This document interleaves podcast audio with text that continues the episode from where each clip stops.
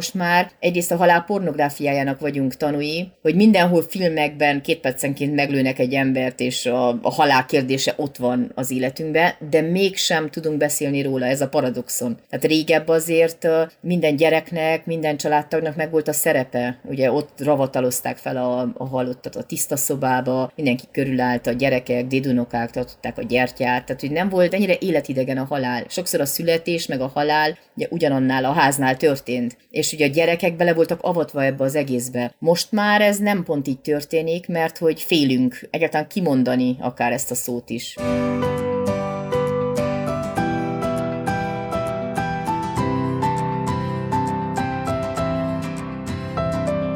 Sziasztok, és boldogan éltek podcast! Nagykorúvá váltunk 18. adásban. Köszönhetünk benneteket, dr. Kádár Anna Máriával. Szia Anna! Szia István! Én is köszöntöm a hallgatóinkat. És hát akkor a nagykorúvá váláshoz egy, egy ehhez dukáló téma. Itt egyébként így szerencsésen együtt állnak a csillagok, mert hogy nem olyan régen az Insta felületünkön tettünk közzé egy, hát ilyen kis mini közvéleménykutatást, hogy, hogy melyek azok a témák, amelyekről esetleg a, a hallgatóink szívesen hallanának. Nem beszéltünk még, de úgy érdekelni őket, és fókuszba helyezhetnénk. És képzelt többen is írták, hogy, hogy tök jó lenne, hogyha ha tabukról, családi tabukról, gyermeknevelési tabukról, tabuképzésről beszélgetnénk. Úgyhogy mit szólsz hozzá, hogy a 18. adás alkalmával, nagykorúvá vált adás alkalmával tabukat döntögetünk? hát ez nagyon jó. És ez nagyon meglepő, hogy már a 18. adás, és hogy tényleg nagykorúak lettünk, ezt így jó tudatosítani. Hú, nekem mondod, ezek a számok engem mindig így letaglóznak, hogy már a 18 és mint a tegnap kezdtük volna, és, és tök jó, hogy egyre többen vagyunk, meg hogy így egyre interaktívabbak egyébként a, a, a követők, hallgatók is, és ez maradjon is így, ugye? Igen. Ennek mi nagyon örülünk. Egyébként tök érdekes, akkor így vágjunk is bele szerintem ennek a tabus dolognak a közepébe. Anna ez a két dolog egyébként véleményed szerint össze van nőve, tehát hogy a tabuk azok valamennyire életkorhoz kötött vagy korfüggő dolgok, mert ugye ebben majd aztán így mélyebben is bele fogunk menni, de ugye általában a tabu az korhoz kötött? Hát szerintem minden életkornak vannak tabu témái, amikről mondjuk nem beszélünk egy óvodással, aztán majd egy kisiskolással, aztán majd egy serdülővel, és egyszer csak feloldódnak a tabuk, jó esetben, hát a nagykorúvá válással ott már nem kellene tabuk legyenek, de szerintem még mindig maradnak azért családi tabuk, amik lehet, hogy egész életutunkon keresztül végigkísérnek. Én olyanokról is tudok, a terapeutaként azért nagyon sokszor látom, hogy, hogy rengeteg olyan kérdés van, amiről nem beszélnek egy családon belül. Ami azért nagyon-nagyon fontos a, család működését tekintve, hogy ezeket tabukat hogy kezeli egy család, illetve hogy a különböző tabu témákhoz hogyan viszonyul egy család, és ha már működés és családi működés, ezen a ponton kell elmondanunk, hogy podcastunk működését pedig a Podcast Pioneers, a Vodafone sokszínű tartalmakat népszerűsítő programja támogatja, amit ezúton is köszönünk. Családi működés, egészséges családi működés, amikor annak idején ezt talán elmondhatjuk, hogyha már 18. adás és picit így kommentáltunk ezzel, hogy milyen jó nekünk, hogy már 18 éve vagyunk, hogy ugye ez az adás... 18 egy... éve? ez freudi elszólás. Ezt igen, majd, ezt majd bevágjuk hát, a 18 év, igen.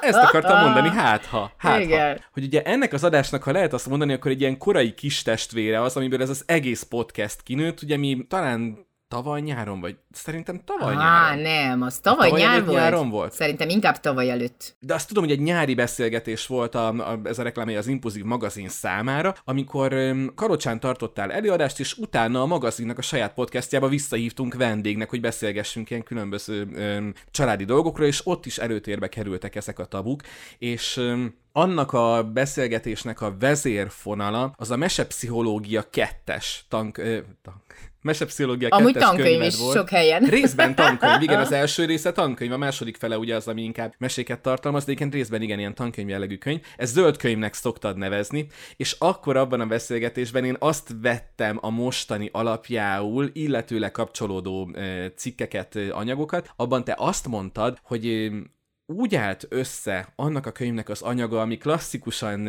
gyereknevelési tabukat boncolgat, hogy fölmérted, hogy mi lenne az az igény, amire a leginkább úgymond ugrana a közönség, ami a leginkább érdekli a közönséget, és ezek között volt a dackorszak, testvérféltékenység, félelmek, szorongások és a gyászvesztesség, akkor ezt a négy tényezőt soroltad igen, föl. Igen. Ha ma ki kellene egészíteni ezt a sort, akkor kell egészítenéd ki? Illetőleg, hogyha egy kicsit előrevetítjük, hogy mi mindenről lesz szó ebben a műsorban, akkor ezek mellett a témák mellett témákhoz hozzátennél még Anna? Igen, szerintem a szexuális nevelés mindenképp, és a, a bántalmazás, bullying témaköre, az aklatás, amiről szintén volt egy műsorunk egyszer. Mi a helyzet a... Hát én úgy írtam föl magamnak ezt a kis cédrat, hogy a világ dolgai a, a körülöttünk lévő világ dolgai, beleértve azt, hogy mit látunk a világból, hogyan fogyasztjuk azt, ami a világban körülöttünk van, ezt tabuként kezeljük, vagy nyíltan beszélünk róla a gyerekekkel, gondoljunk például arra, hogy most a fölvételünk pillanatában éppen a Pride hónap után vagyunk néhány nappal, vagy mondjuk gondoljunk arra, hogy ugye erről is volt egy külön témánk, háború van, ugye mindkét te Romániából, én Magyarországról, mindkettőnknek a szomszédságában nagyon közel, hogy ez a gyerekeknek mit engedünk át ebből. Tehát ez a világ dolgai, ez véleményed szerint beteltő egy ilyen úgymond tabu fakba, hogy hogy valahol, valahol ez is sokszor tabu, és nem biztos, hogy azt kéne, hogy legyen, vagy nem biztos, hogy jól kezeljük tabuként ezeket a dolgokat a világból. Igen, most, hogy mondod, ez, ezek is teljesen ide tartoznak, mert nagyon sok szülő kérdez rá arra, hogy, hogy mégis az életkori sajátosságoknak megfelelően mi az, amit ebből el lehet mondani, mi az, amit meg lehet osztani egy gyerekkel, mert azt tudjuk, hogy minél inkább a tabuk meg titkok vannak a környezetünkben és a családi rendszerben, az kihat a rendszer összes tagjára, és nagyon sokszor a gyerek tünetképzéssel reagálja le amikor például, most említetted ugye a halál kérdéskörét, de ugyanez van a betegségekkel is hogy mondjuk nagy szülők megbetegednek, vagy anyukának, apukának van egy olyan betegsége, ami tényleg súlyos, vagy akár, mit tudom én, transplantációra kerül sor, és hogy akkor ebből mi az, amit elmondhatunk egy gyereknek, mi az, ami megosztható, hogyha, hogyha most mondjuk a szülő nem lesz otthon jó pár hónapig, és akkor a család át kell álljon egy másfajta működésrendszerre. És mi az, amit tud ebből egy gyerek, mert hogy én azt látom, és ez, ez teljes mértékben ugye átjön az egész családi rendszerbe, hogy hiába nem beszélünk róla, mert ott van a levegőben bármi. Akár egy megcsalásnak a története, akár a, a, mit tudom én, amikor az apuka már tudja, hogy munkanélküli lesz, de még nem mondta el a családnak, vagy még nem mondták el a gyerekeknek, vagy a költözés. Tehát ezek mind-mind, hogyha úgy vesszük, ezek valahogy összekeverődnek, mert, mert ugye vannak a normatív krízisek a családban, erről majd egy következő műsorunkban fogunk aztán részletesen beszélni, milyen életciklusok vannak, de ugye a krízisek témakörét azért mindenképpen érdemes ide behozni. Vannak a normatív krízisek, amikre mindig szám számítunk például az, hogy a dac korszakot lesz a gyerek életében, meg hogyha van testvér, akkor biztos lesz testvérféltékenység, tehát hogy erre valahogyan fel tudunk készülni.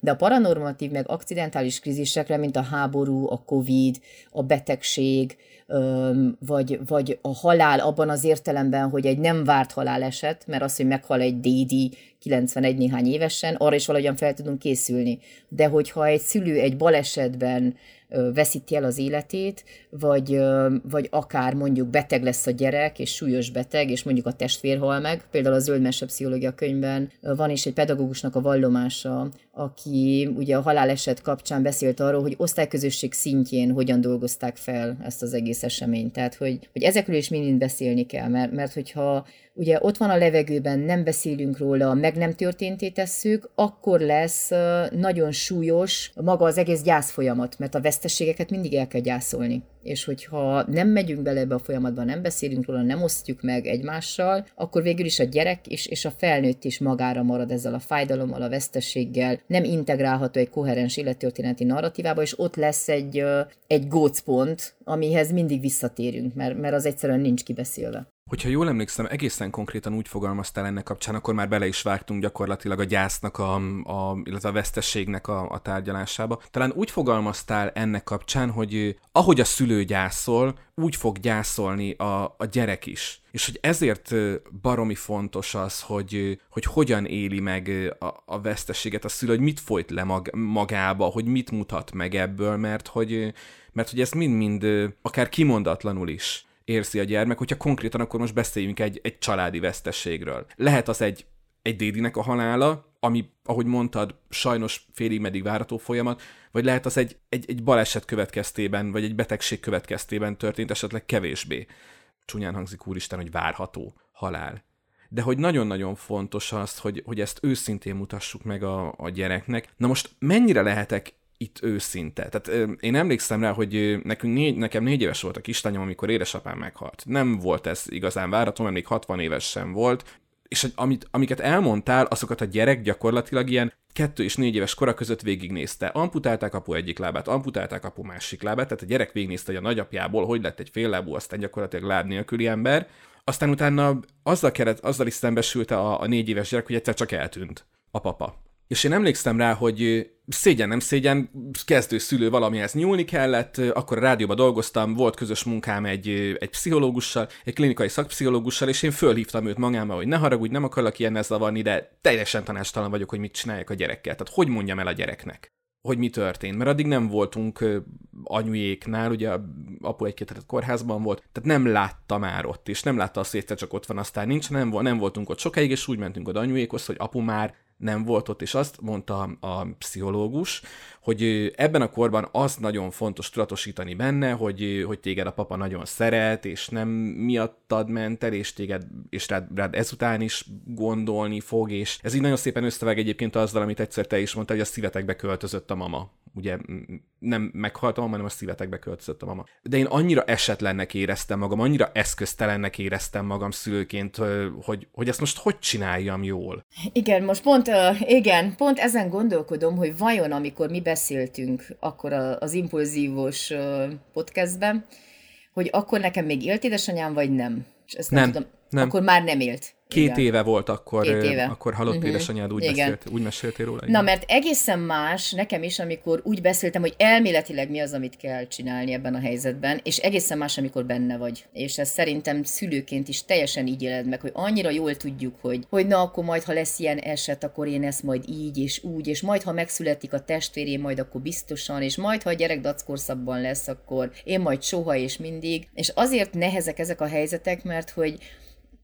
tehát, hogy, hogy egyszerűen, ugye, hogy racionálisan ott legyél, azt mindig fölülírják az érzések. Tehát, hogy te bele vagy süllyedve a saját gyászodba, és ott vagy valamelyik szakaszban, és te közben kellene neked támogatnod a gyereket. Emlékszem, hogy, hogy én napokig, hetekig, hónapokig sírtam, tehát rengeteget sírtam. És a gyerekeket már egy idő után zavarta. Tehát, hogy anya, ne sír már megint, de most már miért sírsz már megint? De hogy egyszerűen nem tudtam mást tenni, mint hogy ugye azt mondtam a gyerekeknek akkor is, hogy, hogy ki kell sírnom a könnyeimet, mert tudjátok, nektek is azt szoktam mondani, hogy a könnyeket ki kell sírni, ahhoz, hogy, hogy megnyugodjak. És nagyon érdekes, hogy az önéletrajzi emlékezetben a gyász úgy összesűrűsödik, vagy legalábbis az én életemben. Tehát, hogy olyan, mint hogy az az év, az egy ilyen pont lett volna, olyan, tehát nincs úgy története, hogy mi volt azelőtt, mi volt azután. Talán egy kicsit azért is, mert a lélek szerintem berendezkedik abba az üzemmódba, hogy át kell élni valahogy a veszteséget, és tényleg annyit tudsz tenni, hogy teszed egyik lábad a másik után, és próbálsz túlélni hétfőről kedre, aztán kedről szerdára,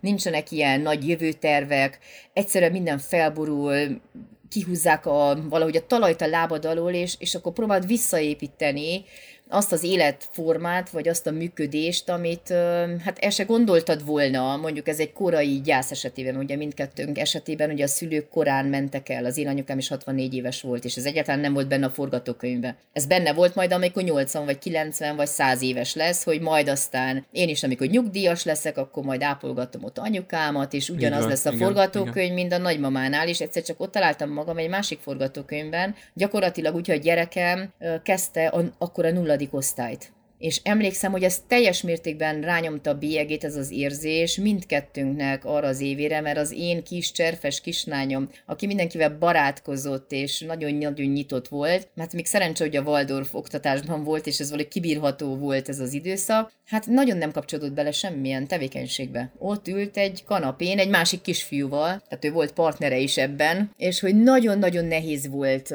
neki is átállni, sőt a tanítónéni mondta, hogy, hogy rengetegszer sírt, meg ugye voltak olyan mondatok, amiket ő is elkapott a különböző beszélgetésekben, hogy átszúrták mamának a tüdejét, és akkor az orvosok, és akkor elkezdett dühös lenni az orvosokra, mert hogy az orvosok megölték mamát. Tehát, hogy ugye az ő következtetésében, ahogy ez az egész kirajzolódott, meg látta ugye édesapámat is ott volt abban a helyzetben, amikor ugye közöltük a, a gyászhírt, és az én édesapám ugye az öklével összetörte egy, egy kinti asztalnak az üvegét, és röpködtek a szilánkok mindenfele, és hát nem ez volt a forgatókönyv, hogy majd így tudja meg a gyerek, hanem egyszerűen ez volt a helyzet, hogy akkor a fájdalomban voltunk mindannyian, hogy ezt nem tudtuk logikusan végig gondolni, hogy na most leültetjük a gyereket, és akkor mondunk egy ilyen mesét, és akkor hogy volt, meg mint volt. Egyáltalán nem úgy volt közölve a halálhíra, hogy kellett volna közölni. És akkor utána nagyon sokat kellett beszélgetnünk erről. És szerintem minden szülőnek, aki, aki ugye hirtelen módon veszítte valakit, mert ő vannak ilyen élethelyzetek is. Mi is ugye egy vizsgálatra vittük be anyukámat, és gyakorlatilag este úgy jöttünk haza, hogy halott volt az anyám. És erre nem tudsz felkészülni, ez teljesen más, amikor egy betegségben ápolsz valakit, és tudod, hogy valahogy ez lesz a vége, de hát szerintem még akkor sem tudsz felkészülni, mert a lélek védekezik. Ezt akartam neked mondani, hogy ez, ez egy ilyen, hát nekem kicsit inkább sztereotípiának tűnik, és egy picit persze nyugtatja az embert valamitől, mert hogy a halál nekünk, a mi kultúránkban valahogy már egy kevésbé szerintem egy természetes része az életünknek, hanem valami ijesztő dolog, amit valahogy föl kell tudnunk dolgozni. Én azt gondolom, hogy legalábbis így érzem. Néha azon kapom magam, hogy amikor belegondolok, hogy egyszer majd én meghalok, még így akkor hirtelen egy ilyen instant pánikrom tud elkapni, hogy akkor, akkor majd mi lesz, akkor majd nem érzek semmit, majd fekete valami, és akkor én majd nem vagyok. Tehát, hogy a mi kultúránknak szerintem annyira nem része ez a halál, vagy nem tudom, lehet, hogy korral jár. Például a mamámnál láttam azt, a nagymamámnál láttam azt, hogy amikor, amikor arra felé haladt, hogy már úgy érezte, hogy, hogy neki is könnyebb lenne magának, mert tudatánál volt végig, hogy milyen állapotban van, hogy ő azért nem volt fizikálisan olyan jó állapotban. Bár szellemileg teljesen ipott, hogy talán már jobb lenne nem lenni, talán már neki is könnyebb lenne. Akkor szembesültem azzal, hogy van ember, aki aki ezt így, hogy az embernek van az életfázis, amikor talán ezt így tényleg elfogadja, de én ezt nem, tudtam, nem tudom elképzelni a mai napig, hogy ez megtörténik, majd lehet, hogy, hogy talán korral. De hova akartam ezzel kiukadni? Ugye arról beszéltünk, hogy ugye idősebb korban talán természetesebb, vagy, vagy vártabb, vagy úgy, úgymond számítottabb dolog az, hogy igen, egyszer vége lesz. Ön naponta az említett nagymamával jártam én úgy, hogy akármennyire tudtuk, hát ő oda hívott minket a halála előtt egy hónappal elköszönni, mert érezte, hogy akkor volt olyan állapotban, hogy, hogy lehet, hogy nem ébredt föl holnap, és minden mindenkit odahívott, mert ő ilyen volt, és mindenkitől szépen elbúcsúzott, és, és puszit adott, és megszorította a kezünket, és nagyon, mint a kőszikla nézett ránk, hogy, hogy érezzük azt a biztonságot, hogy ő, ő tudja, hogy, hogy minden rendben lesz vele is, meg velünk is, ö, és mégis amikor bekövetkezett, az olyan volt, mint hogyha nem tudom, egy, egy sziklafal ömlött, omlott volna rád. Pedig abszolút ö, számítani lehetett rá. Amit kérdezni szerettem volna, ha gyász vagy veszteség ér bennünket, akár számítunk rá, akár nem számítunk rá, akkor e tekintetben tök mindegy, hogy én most kikérem egy pszichológus véleményét, hogy hogyan álljak oda a gyerekem elé, vagy egyszerűen kezdelem, ahogy tudom, mint ahogy nálatok történt, mert hogy ez egy olyan folyamat, amit nem egy pillanatban élek meg, hanem hanem amíg a folyamaton végig vonulok, akkor ezek szerint az nagyon fontos, hogy abból ne szárjam ki a családot, illetve a közvetlen környezetemet, tehát hogy ne maradjak úgymond teljesen egyedül a saját gyászommal? Ez lett volna a kérdésem, mert én, én ezt vettem le abból, amit mondtál, meg hogy a gyerekek is viszonyultak hozzád, meg amit talán én is éreztem a gyerek kapcsán. Igen, tehát hogy szerintem nagyon fontos ismerni a gyerek életkori sajátosságait. Ebből a szempontból egyáltalán mindegy, nem mindegy, hogy te erről olvastál, tudod, hogy egy óvodáskorú gyereknek milyen a halálkép egy kisiskolásnak, egy serdülő gyereknek, kivel hogy kell beszélni. És ez, ez nem mindig egy olyan tudás, ami, ami ott készen áll, hogy ezt valaki nekünk elmondta. Ezért foglaltam én is össze, hogy a mesepszichológiának a második kötetében egy külön fejezetben ilyen gyakorlati tanácsokkal, hogy ezt akkor így, meg úgy, meg milyen kortás gyerekirodalmi művek vannak, akkor a, a népmességben hogyan jelenik meg a halál kérdésköre, és ezeket érdemes tudni, tehát hogy ebben a tekintetben, hogyha valaki tényleg úgy érzi, hogy, hogy egyszerűen nem tudja, hogy, mert pont itt vannak a, a kérdések, hogy három-négy éves gyereket most el lehet-e vinni temetésre, hogy akkor neki hogy megmondani, mert kisiskolással könnyebben beszélsz, mint egy óvodással, és hogy ugye ezt érteni, hogy neki még ilyen reverzibilis ez a, az élet-halál kérdés, nem is érti a halálnak a véglegességét, és pont azért fontos, hogy a rítus, a szertartás ott legyen az életében, akár egy temetés nevetés kapcsán, mert akkor annak van vége, hogy akkor nem mondjuk egy gyereknek, hogy elaludt, hanem mondjuk azt, hogy meghalt, mert ugye az alvás is egy kis halál, ahogy Freud mondja, és ez is nagyon sok szorongásos tünetet tud okozni. Tehát, hogy érdemes igenis tudni ezeket az életkori sajátosságokat, mert hogy most már egyrészt a halál pornográfiájának vagyunk tanúi, hogy mindenhol filmekben két percenként meglőnek egy embert, és a, a halál kérdése ott van az életünkben, de mégsem tudunk beszélni róla, ez a paradoxon. Tehát régebb azért minden gyereknek, minden családtagnak meg volt a szerepe, ugye ott ravatalozták fel a, a halottat a tiszta szobába, mindenki körülállt, a gyerekek, dédunokák tartották a gyertyát, tehát hogy nem volt, nem, nem volt ennyire életidegen a halál. Sokszor a születés meg a halál ugye ugyanannál a háznál történt. És ugye a gyerekek bele voltak avatva ebbe az egészbe. Most már ez nem pont így történik, mert hogy félünk egyáltalán kimondani akár ezt a szót is. Sokszor azt mondjuk, hogy elment, vagy megpihent, tehát, hogy, hogy nem mondjuk miért? azt, hogy halál. Miért? Mi mert van hogy félelmet, amit, amit te is mondtál végül is, mert az, az valahogy a saját halálunkkal, vagy a saját halhatatlanságunkkal való szembesülés. De hát régen ettől nem féltek az emberek? Nem annyira érdekes, hanem ez olyan, Hát ugye ott voltak a háborúk, ott volt a gyerekhalandóság. Hát ők, ők nagyon sokszor, hát gyakorlatilag uh, volt, aki akár már esküvő után megtapasztalta, hogy egyszer csak a férje nem jött vissza a frontról. Akkor volt olyan is, hogy nyolc gyerekből megmaradt öt, vagy négy, vagy kettő. Nem, tehát ott volt uh, re- re- rengeteg uh, betegség, uh, járványok, tehát hogy valahogy ez a, az élet-halál kérdéshez sokkal közelebb álltak szerintem, meg sokkal nyíltabban is beszéltek róla. Ma már egy kicsit olyan, mint hogyha nekünk kiárna a halhatatlanság. Hát nézd meg, az örök fiatalság, a reklámok, a krémek, tehát te ne öregedjél, mert hát az, az, az kész, az az elmúlás, tehát ezzel nem szembesülhetsz. És eszembe jut egy könyv, meg egy film, ezt akár már az ajánlóba is kitehetjük, a kedvencem, ez a keddi beszélgetések az életről és a halálról, Mitch Albumnak a könyve, és van egy film is belőle, a Leckék az életről, lehet, hogy láttad. Valahol ez... most jött velem szembe, de esküszöm, ez a cím valahol most jött velem szembe, nem Jack tudom, hogy Lemmon hol. utolsó filmje is Aha. hihetetlen, tehát hogy én ezt az érzelmi intelligencia témakörénél is meg szoktuk nézni, sőt az életciklusoknál is, hogy akkor élem megint az integritás érzését az életembe, hogyha a halálhoz is úgy tudok hozzáállni, hogy már nem félek tőle. Például Mori, elmesélek a filmből egy jelenetet, ő élő temetés szervezett magának. Ez most a hm. nagymamát búcsúzása kapcsán jutott eszembe ez a jelenet, hogy összehívott mindenkit, és akkor ott megköszönték, meg elbúcsúztak, és mondta, hát az most az, hogy meghaltál, és ott mondanak szépeket, most mondjanak szépeket, ameddig élek. és jó. hogy hihet, tehát annyira Istenem. jó ez a film. Meg ő mond egy nagyon fontos dolgot, ez benne van a, szerintem csak a könyvben van benne ez a rész, hogy úgy kell élni, ez egy buddhista példázat, hogy, hogy tegyél egy kismadarat a válladra, és minden este mielőtt lefekszel, kérdezd meg tőle, hogy kismadár, az vagyok, aki mindig lenni akartam, úgy élek, ahogy élni akarom, azt az utat járom, amit én járni akartam mindig, akár megfordítva ez az a kérdés, hogy az a gyerek, aki voltam, büszke lenne arra a felnőttre, akivé váltam. Mert hogyha minden nap az a válaszod, hogy igen, akkor már nem kell félj a haláltól. Hogyha közel mertél menni a halálhoz, jobban mersz élni. Ez biztos, hogy így van.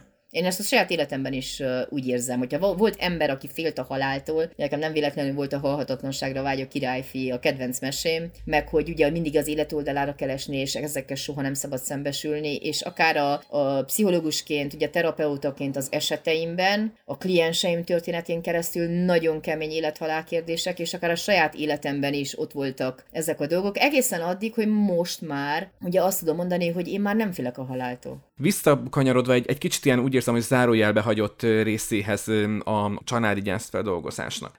És konkrétan a temetésre kitértél, hogy gyereket vinni temetésre, hogy lássa a végét, hogy lássa a szertartásosságát ennek a dolognak. Szerintem ez nagyon sokakban kérdés, hogy mikor vihetem először temetésre a gyereket koporsós temetésre vihetem. Három-négy éves kortól szerintem már. Vagy van, aki ugye elvisz akár a kis csecsemőt, mert egyszerűen nem, nem tudja kire hagyni, és ott van a gyerek a temetésen. Tehát igazából bármikor el lehet vinni. De már három-négy éves korban, hát szerintem Zsulna pont ennyi volt. Igen, ő négy éves volt akkor, amikor édesanyám meghalt és ott álltak ugye a koporsónál. Lilla mondta azt, hogy, hogy ő meg szeretné nézni mamát, és na, akkor elég nagy dilemmába voltam, hú, hogy igen, hú. nem, akkor egyszerűen nem tudtam mit mondani erre, mert hogy nagyon megváltozott édesanyámnak az arca, én is azelőtt láttam.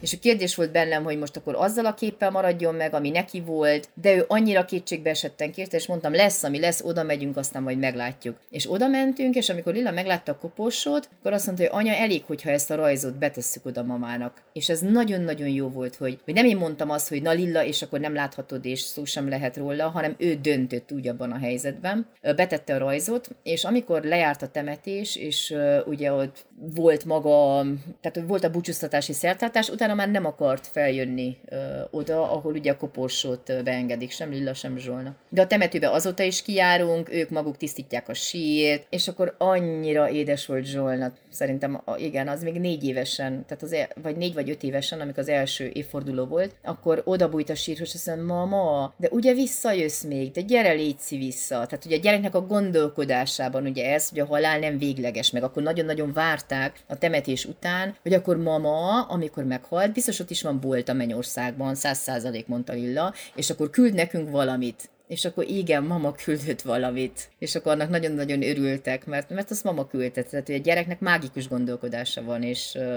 abban mind-mind belefér. És azóta is ugye Zsolna most már kezdi az iskolát, ő már hat éves, de még mai napig is mondja, hogy ő, ő beszélget mamával, hogy mama az ő őrzőangyala, és amikor vihar van, mi most nálatok, mindig azt mondja, hogy van egy ilyen telefonja, és akkor felhívja, jó Isten, jó Isten, mama, gyertek, mert jött vihar király, le kell győzni. Tehát ő direkt, ő direkt kapcsolatban van, és hihetetlen, hogy ez a gyerekeknél hogy működik, hogy, hogy nekik nincs az a nagyon erős válaszfal az élet és a halál között, valahogy egybe tartozik, és talán ők látják jól, mert annyira egész ez a világkép, nem? Tehát, hogy sokszor valaminek meg kell halni, hogy valami más megszülessen. Ami pedig szerintem a szülőknek az egyik legnagyobb félelme, ha már ugye tabukról beszélünk, na ugye az a gólya.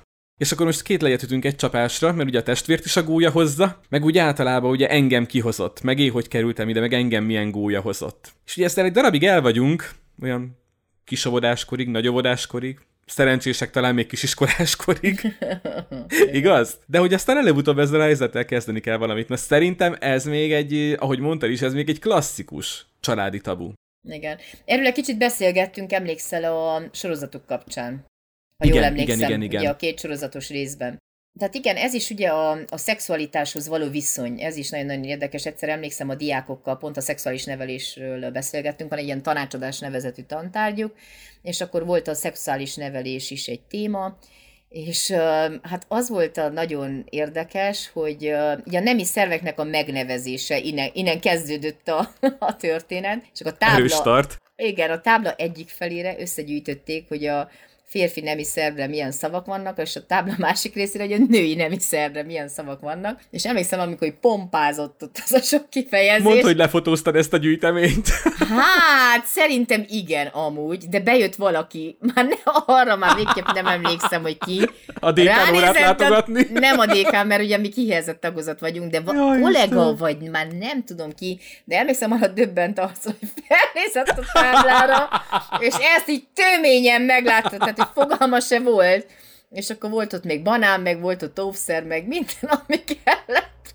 A lányok készültek, meg ugye ott van ez a, a Pernillás Staffeltnek a Szexkönyv című könyve, meg ugye ez a, hogy is hívják, azt a kis könyvet, amit mindenki ismer, na komolyan lapszuszom van, ugyanabban a sorozatban jelent meg a nekem két születésnapom van. Ú, Tudod, na, tudom, az, az, az, az, mert a nekem, a nekem két születésnapom van, az megvan, tehát tudom, csak ennek a könyvnek nem jut eszembe a címe, amit az igen, tudom, tehát hogy ugyanaz a, az a, a születésnek is. a története. Meg a mérete mond... is, tudom, igen, igen. Igen, ugyanaz. Na, tehát föl voltatok szerelkezve, tábla harci díszben, na de én és... mit csinálok otthon, Anna? Hát én mit csinálok otthon a gyerekemmel? Nincs táblám harci díszben. Igen, na pontosan ez, hogy hogy egyféleképpen a, tehát ez a nyitottságot ugyanúgy, mint a halál kérdésköréhez, hogy egy gyerekkel ugye természetesen kell ezekről a dolgokról beszélni, és akkor hadd mondjak egy példát, mert ugye én is gondoltam, hogy na, hát majd kisiskoláskorban, majd aztán erről beszélünk most óvodáskorban, hát jó, hogy, hogy akkor igen, és megszületik a kisbaba, és na már ezen a golyamesén túl vagyunk, de hogy az összes többit az majd kisiskoláskorban. És emlékszem, hogy hát ez még Covid idő alatt volt, és pont az egyik kórház valamelyik osztályának tartottam egy előadást, és akkor volt Covid torta, meg mindenféle, nagyon jó hangulatba telt ott az egész dolog, hiszem, vagy szülinap, vagy búcsúztatás, vagy már nem is tudom mi volt, és közben jön a férjem ilyen halára sápadt arcon, és azt mondja, addig a gyerekekkel ugráltam, eddig volt egy ilyen ugráló, ameddig én tartottam az előadást, azt mondja, hallgass meg, mit mondott a gyermek. És mondom, mit? Szerintem ez szintén ott a suli kezdés körül lehetett, hogy azt mondja, hogy egy kisfiúnak meg egy kislánynak a nevét mondta el az oviból, és hogy ők szexisztek a WC-ben. És kérdezi, kérdezi Ede, hogy mit csináltak a WC-ben? Azt mondja, szexisztek. És kérdezi a férjem, hogy de mi az a szexizés szerinted? És akkor Lila ilyen teljesen természetesen puca a cuniban. És ezt így állt, és egyszerűen nem jutott szóhoz, aztán meg én nem jutottam szóhoz, hogy azért gondoltam, hogy ilyenekről is kell beszélgetni, de nem óvodáskor Férfiak végén. mindig bíznak benne, hogy ez majd anyának jut, tehát szegény Edét baromira nem irigylem. Mondjuk téged se? És akkor álltunk ebben a helyzetben, és egyszerűen nem jutottunk szavakhoz. Egyrészt én, hogy ugye gondoltam, hogy hát ez majd harmadik, negyedik, vagy mit tudom én, majd valamikor sor kerül ezekre a beszélgetésekre, és, és szerintem minden szülő pont úgy jár, mint én. Mindenki azt gondolja, még túl korai ezekről beszélni, és egyszer csak ott van a helyzet közepén, mert legtöbbször ez történik, hogy te azt mondod, hogy na nekem lesz időm, hogy akkor majd ezekről a dolgokról mind beszéljek, és hogyha ugye arra gondolunk, hogy 8-9 éves kislányok menstruálnak, és akkor gyakorlatilag ezekről a kérdésekről is már akkor 7 éves kor körül kéne beszélni, de hogy És tudod, mi a nehéz? Nem tudom, hogy erről beszéltünk el, hogy még hisz a Mikulás, angyal, fogtündér, minden, és egyszer csak jön ez a realitás, és a kettő között nincs szünet, mert régebb, ugye a fejlődés lélektani érés szempontjából valahogy ott volt ez a latencia korszaka. Tehát ez a csendes kisiskolás kor. Tehát ott még nem volt a prepubertás kor, az ott kezdődött, mit tudom én, negyedik végén, ötödik uh-huh, elején, uh-huh. vagy még utána. Tehát ő volt ez a fellélegezésnyi idő, amikor a gyerek ugye úgy nyugodtan, és iskola, és teljesítménycentrikusság, meg stb. És most ez elvesztődött, és talán azért vannak ennyire megrémülve a szülők, mert egy csomó minden ott van az életükben, ott van, hogy már ötödikes gyerek elektromos cigit szív, na hát erre sincs felkészülve, hogy most akkor erről igen, beszélni, igen, igen. ne beszélni, hogy akkor igen, ott a szexualitás kérdésköre, akkor a menstruáció, hogy akkor ezekről most mikor kezdjél el beszélni? Na, tehát nálatok is adott volt egy ilyen immediate stress, hogy na, akkor igen. ezzel most valamit kezdeni kell. Szerintem ez egy tökéletes kapcsolódási pont a, a hallgatóknak is, hogy na ezt hogy oldjuk meg? De most ez egy ilyen konkrét helyzet, amit meg kell oldani, bármelyikünk, ahogy mondtad, kerülhet ebbe a helyzetbe bármikor, Nálatok ezt hogy oldott meg, vagy mit javasolsz, hogyan érdemes akkor ezt, ezt megoldani? Hát akkor lefagytunk az összes nagy tudományommal együtt. Valószínűleg mindenkinek ez az első szinte reakciója. Igen, és az az érdekes, hogy itt mindig meg kell nézni, hogy ne terhel túl a gyereket olyan információkkal, amik még nem az életkori sajátosságainak megfelelő, és hogy az ő érdeklődése, meg az ő kérdései vezessenek téged ebben a folyamatban. Tehát amennyit kérdez, annyit válaszolsz. És ne érezd úgy, hogy átcseszed meg mellé beszélsz, Igen, igaz? Gondolom. tehát hogy ez nagyon-nagyon fontos. Tehát valahogy szerintem oké, okay, hogy ide került ez az info, de hogy egyáltalán nem kötötte ő össze, hogy a gyerekvállalás és ez a szexizés, annak a kettőnek valahogy van köze egymáshoz. Tehát szerintem még mindig úgy gondolja, a szexizés az egy külön dolog, és a gyerek, és hogy megszületik, meg stb. Például ilyeneket kérdezett tőlem, hogy de az fog fájni, amikor megszületik a gyerek. Tehát, hogy Lilát az nagyon-nagyon foglalkoztatja, hogy anyuka mhm, lesz, uh-huh, uh-huh, meg uh-huh. akkor ott, hogy a, tehát őt inkább ez a rész foglalkoztatta, hogy de akkor az a kicsi baba, az hogy fog fog megnőni, tehát őt, őt mindig a, a, ugye a várandós anyukák úgy nagyon-nagyon vonzották, hogy mindig megy oda, és akkor simogatja a hasát, és akkor itt van a kisbaba, és akkor mikor fog megszületni a kisbaba. Tehát őt ez a második része érdekelte a legjobban, hogy nem hogy hogy kerül be, hanem hogy hogy kerül ki, és már mikor kerül ki, és már neki mikor lesz kisbabája. És akkor mondtam azt neki, hogy Hát igen, amikor majd, majd ott lesz az életedben valaki, akit nagyon-nagyon szeretsz, de hát az nem csak úgy egyből fog eljönni, hanem, hanem találkoztok, akkor ott megnézitek, hogy talál a szó, nem talál a szó. Van olyan is, hogy nem talál, vagy úgy gondoljátok, hogy ti nem fogtok tudni együtt élni, és egyszer csak úgy fogod érezni, akkor röpködnek a pillangok a hasadba, hogy na ő az, és azt a szíved, hogy meg fogja neked mondani. És akkor majd utána fog születni kisbabád, és ezt a jóisten is kell akarja, mert látod, anya és apa nagyon szerették volna, és mi nagyon sokat sokat kellett várjunk, ameddig te megszülettél. És akkor születhet a hasadból és a szívedből, és ők már el is döntötték, mondja Zsolna, neki kettő fog születni a hasából, kettő a szívéből, és akkor megvan a, a nev, hogy is mondta, ágacska, levelecske, ágacska, levelecske, virág, és még van egy. Tehát megvan a négy név. De gondolom mindegyik így a törzshöz kötődik, nem? Tehát, hogy abból nő ki, mint az ág, a levél, a virág, hogy mind ugyanabból a törzsből ja, nő ez ki, érdekes. Igen, na ebbe a kontextusban, igen, igen, igen, igen. Tehát, hogy őket ez a rész érdekelte. És hogy ő ezt, ő ezt már ilyen kis hat évesen összerakta. Igen, tehát én erről a részről beszéltem, mert hogy ennek kapcsán ők ebből a szempontból kérdeztek. Na most szülőként is ugye fel kell készülni, hogy gyakran a gyerek hazajön ilyen kész infokkal, mert lehet, hogy mit tudom, ilyen pornót néztek harmadik osztályba az egyik szünetben, és akkor jön és ugye szembesít ezzel a kérdéssel, és majd akkor arra válaszolsz, mert hát ez sem lehet most kivédeni, meg kiküszöbölni. Tehát, hogy mindig arról beszélj, ami a gyereket érdekli. És most már ugye persze, hogy nehezebb dolga van a szülőnek, amikor mindenről 7-8 éves korban kellene már beszéljen. Tehát itt, itt ugye mindig az a nagy probléma, hogy a biológiai érés és a pszichológiai érés egyszerűen fényévnyi távolságra van egymástól, mert Lilla is egyszer jött úgy haza, hogy anya, képzeld el az egyik osztálytársam, megmutatta, hogy szőrösödik a hónalja, és ez neki egy akkora reveláció volt, és akkor nézegette, hogy neki szőrösödik, vagy nem, vagy akkor most hogy lesz, mert ugye ő örökbefogadott gyerek, és akkor mondta, anya, most nekem akkor mekkora cicim lesz, ami a, annak az anyukámnak van, akinek a hasába születtem, vagy mekkora neked, és mondtam, hogy hát, ezt így nem lehet előre tudni, de lehet, hogy a kette között valahol.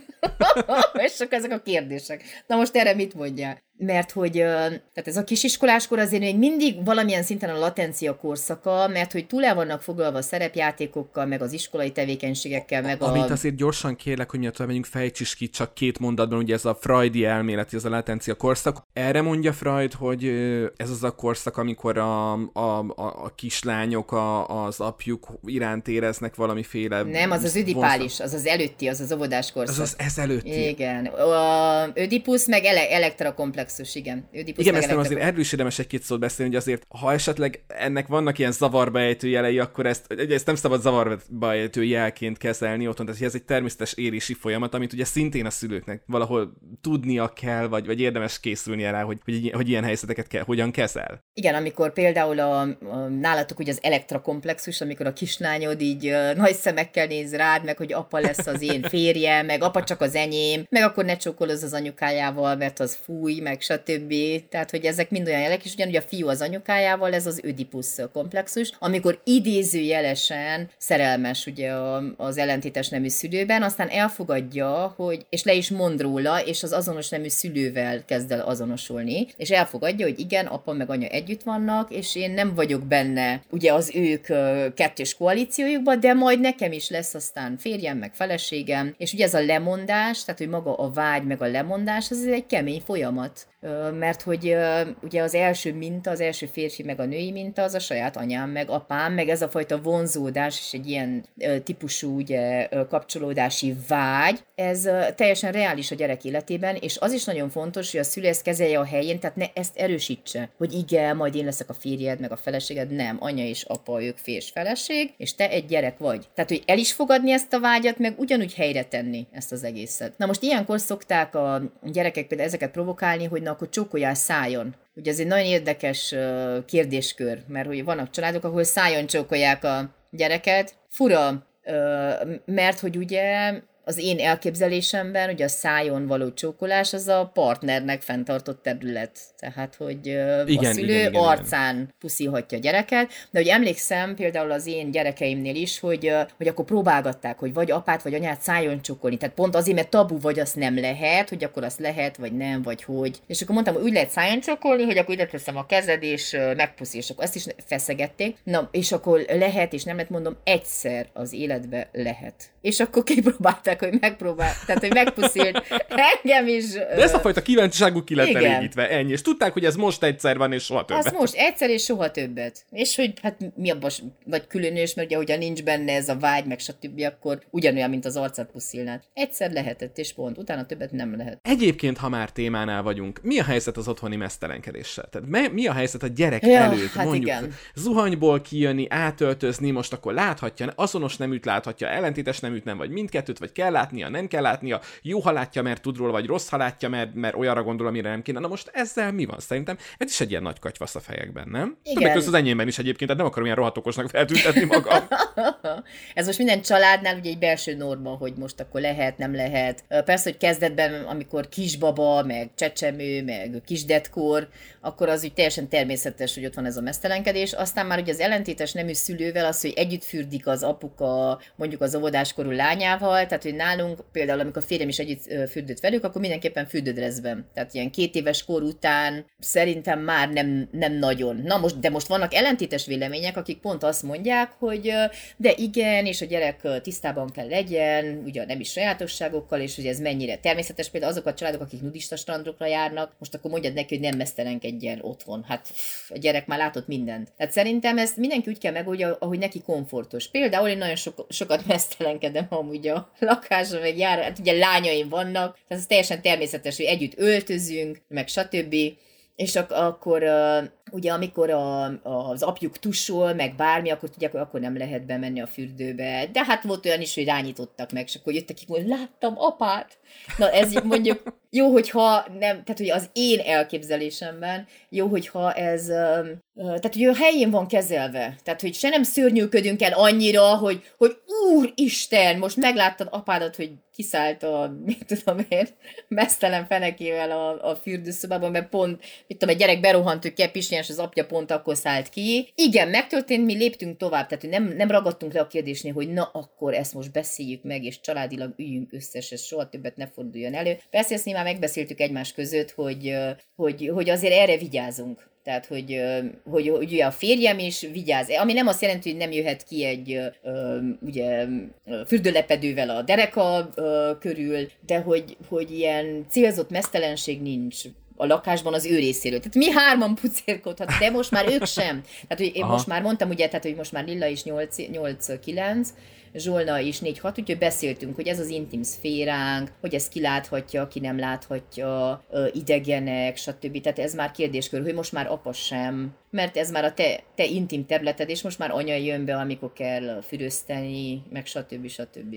Szerintem a, a halálnak, gyásznak, veszteségnek a kérdéskörét, illetőleg azért a szexualitásnak a, a kérdéskörét, mint klasszikus tabukat, vagy mint családi ö, tabukat ö, viszonylag jól körbejártuk. Ugye a listán volt még itt jó pár dolog, itt volt a, a világ, ami körülöttünk van, ugye doboz, amiről még mindenképpen beszéltük, hogy majd szót kéne ejteni, illetve ugye a testvér, az örökbefogadás dolga, amiről mindenképpen beszéltünk, hogy még, még szót kéne ejteni, úgyhogy biztosan folytatjuk ezt a témát egy következő részben. Ö, addig is, hogyha élveztétek az adást, akkor megköszönjük, hogyha feliratkoztok az adásra, az és boldogan éltek csatornára, azon az applikáción, amin hallgatjátok, Spotify-on, Google Podcast-en, Apple Podcast-en ott vagyunk, illetve rss.com-on szintén ott vagyunk, valamint ahogy a műsor elején is elhangzott, ezek a témák éppen Insta üzenet formájában merültek föl. Ti magatok írtátok, hogy ezekről szívesen hallanátok, tehát Instagramon, Facebookon és boldogan éltek néven megtaláltok bennünket, valamint, hogyha esetleg magáni jellegű dologgal keresnétek meg bennünket, vagy Annát, és név, név nélkül szeretnétek, hogy kitárgyaljunk egy-egy történetet, jelenséget, akkor az és boldogan éltek infokukas gmail.com-ra várjuk az üzeneteket. Ilyen is volt már korábban